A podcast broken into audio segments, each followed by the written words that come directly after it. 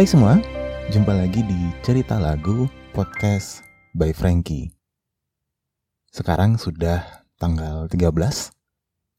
Jadi kita sudah ada di edisi ke-13 dari serial 30 hari bersuara. Di edisi ke-13 kali ini tema yang menjadi pembahasan adalah pemuja rahasia. Dan tentunya, seperti yang sudah bisa diduga, lagu yang cocok untuk tema kali ini adalah lagu dari Shalom Seven dengan judul Pemuja Rahasia. Jadi, nggak perlu berlama-lama lagi, mari kita mulai podcast kita kali ini.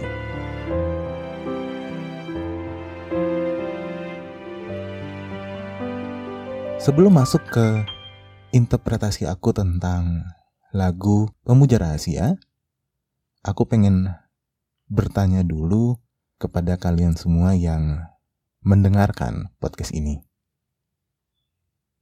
Pertanyaannya sederhana, pernahkah kalian bertemu dengan orang-orang yang lovable? Orang-orang yang mudah untuk dicintai, mudah untuk dikagumi, mudah untuk disenangi. Pernah nggak kalian bertemu dengan orang-orang yang demikian? Atau mungkin saja kalian adalah orang-orang yang memiliki karakter lovable ini. Orang-orang yang lovable biasanya adalah orang-orang yang memiliki kualitas untuk menarik perhatian orang lain. Orang-orang yang memiliki karakter mudah untuk disenangi oleh orang lain. Karakter mereka biasanya ceria, mudah untuk dikagumi, mudah bergaul, dan tentunya mudah untuk dicintai kadang kita menemukan orang-orang yang lovable ini di dalam diri teman sekolah, sahabat, rekan kerja, atau mungkin juga kita temui di dalam diri orang-orang yang baru pertama kali kita kenal dan baru beberapa kali kita bertemu dengan mereka. Nah, orang-orang yang lovable ini cenderung punya pemuja rahasia atau bisa dibilang pengagum rahasia. Kalau kalian yang mendengarkan adalah orang-orang yang lovable, bisa jadi kalian punya pengagum rahasia.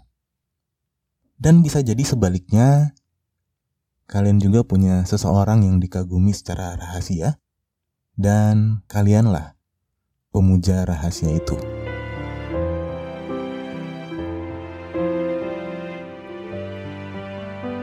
Balik ke lagu Pemuja Rahasia yang dipopulerkan oleh Shalom Seven.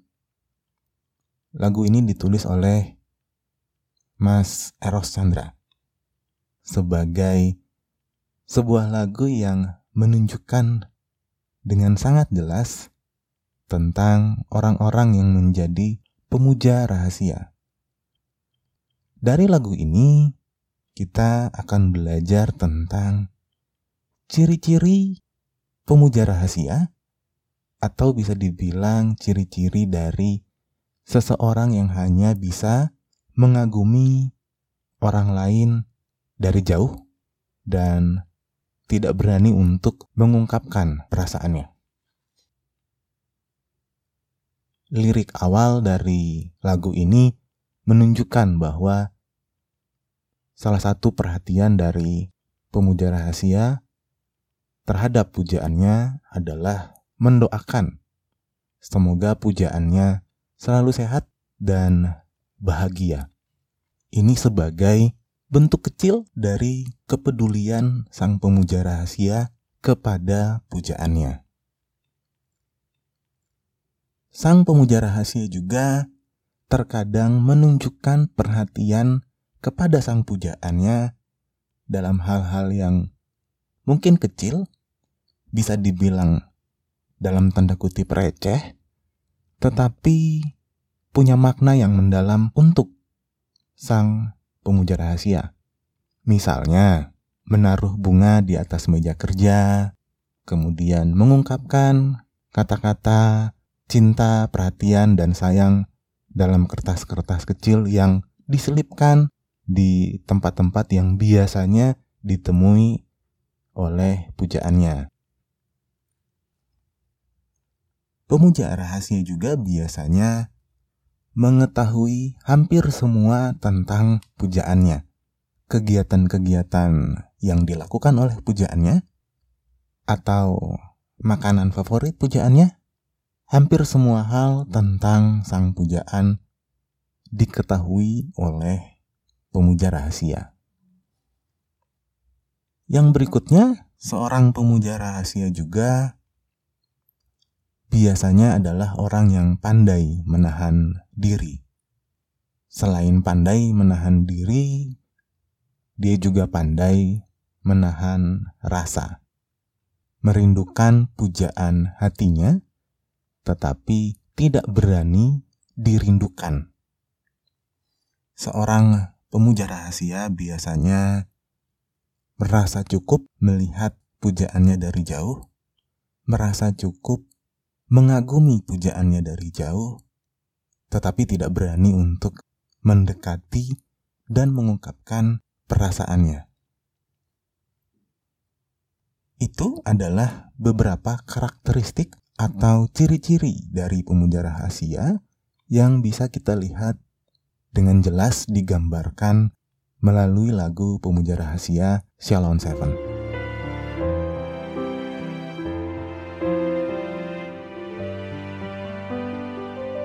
Nah, sekarang kembali lagi ke diri kita masing-masing. Di sini ada dua posisi. Yang pertama, orang yang lovable, yang mudah untuk dicintai, yang mudah untuk dikagumi. Biasanya orang-orang seperti ini adalah orang-orang yang memiliki beberapa pemuja rahasia.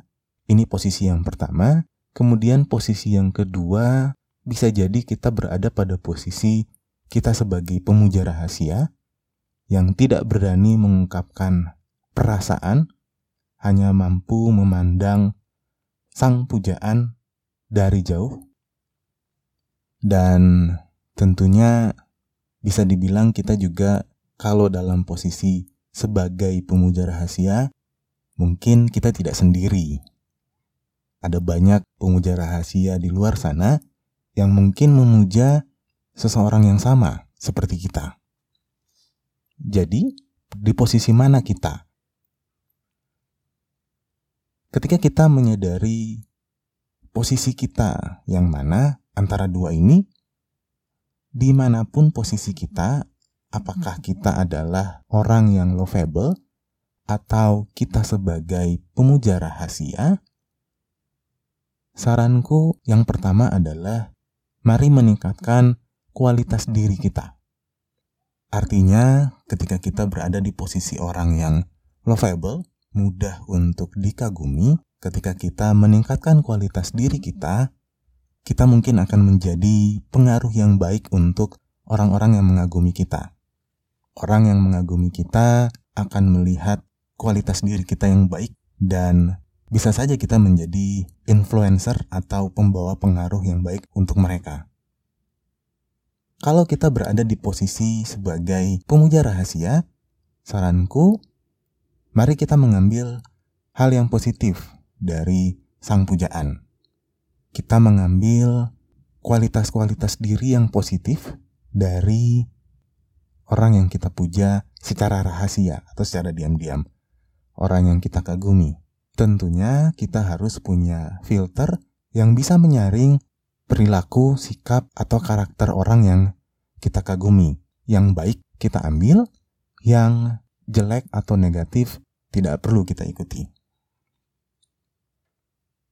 Kalau orang yang kita kagumi, kita senangi, kita cintai, kita puja secara rahasia adalah orang yang kita inginkan sebagai pacar, seperti yang diceritakan dalam lagu ini.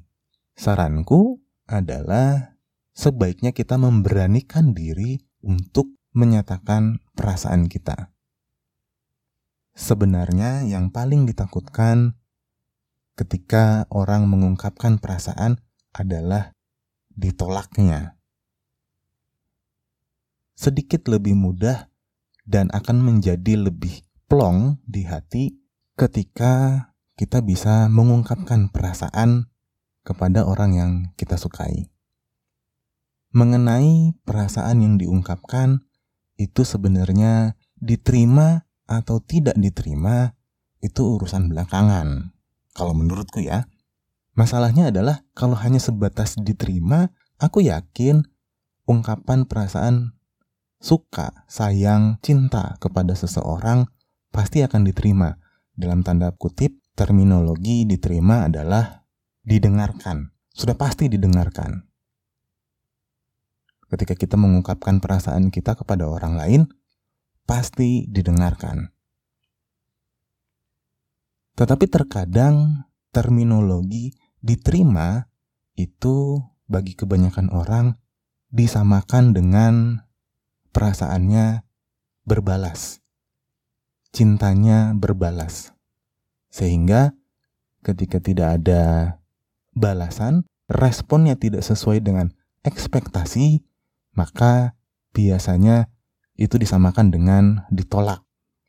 Dan ini yang ditakuti oleh banyak orang. Perasaan ditolak. Dan ketakutan inilah yang membuat kita hanya bisa berada pada posisi sebagai pemuja rahasia.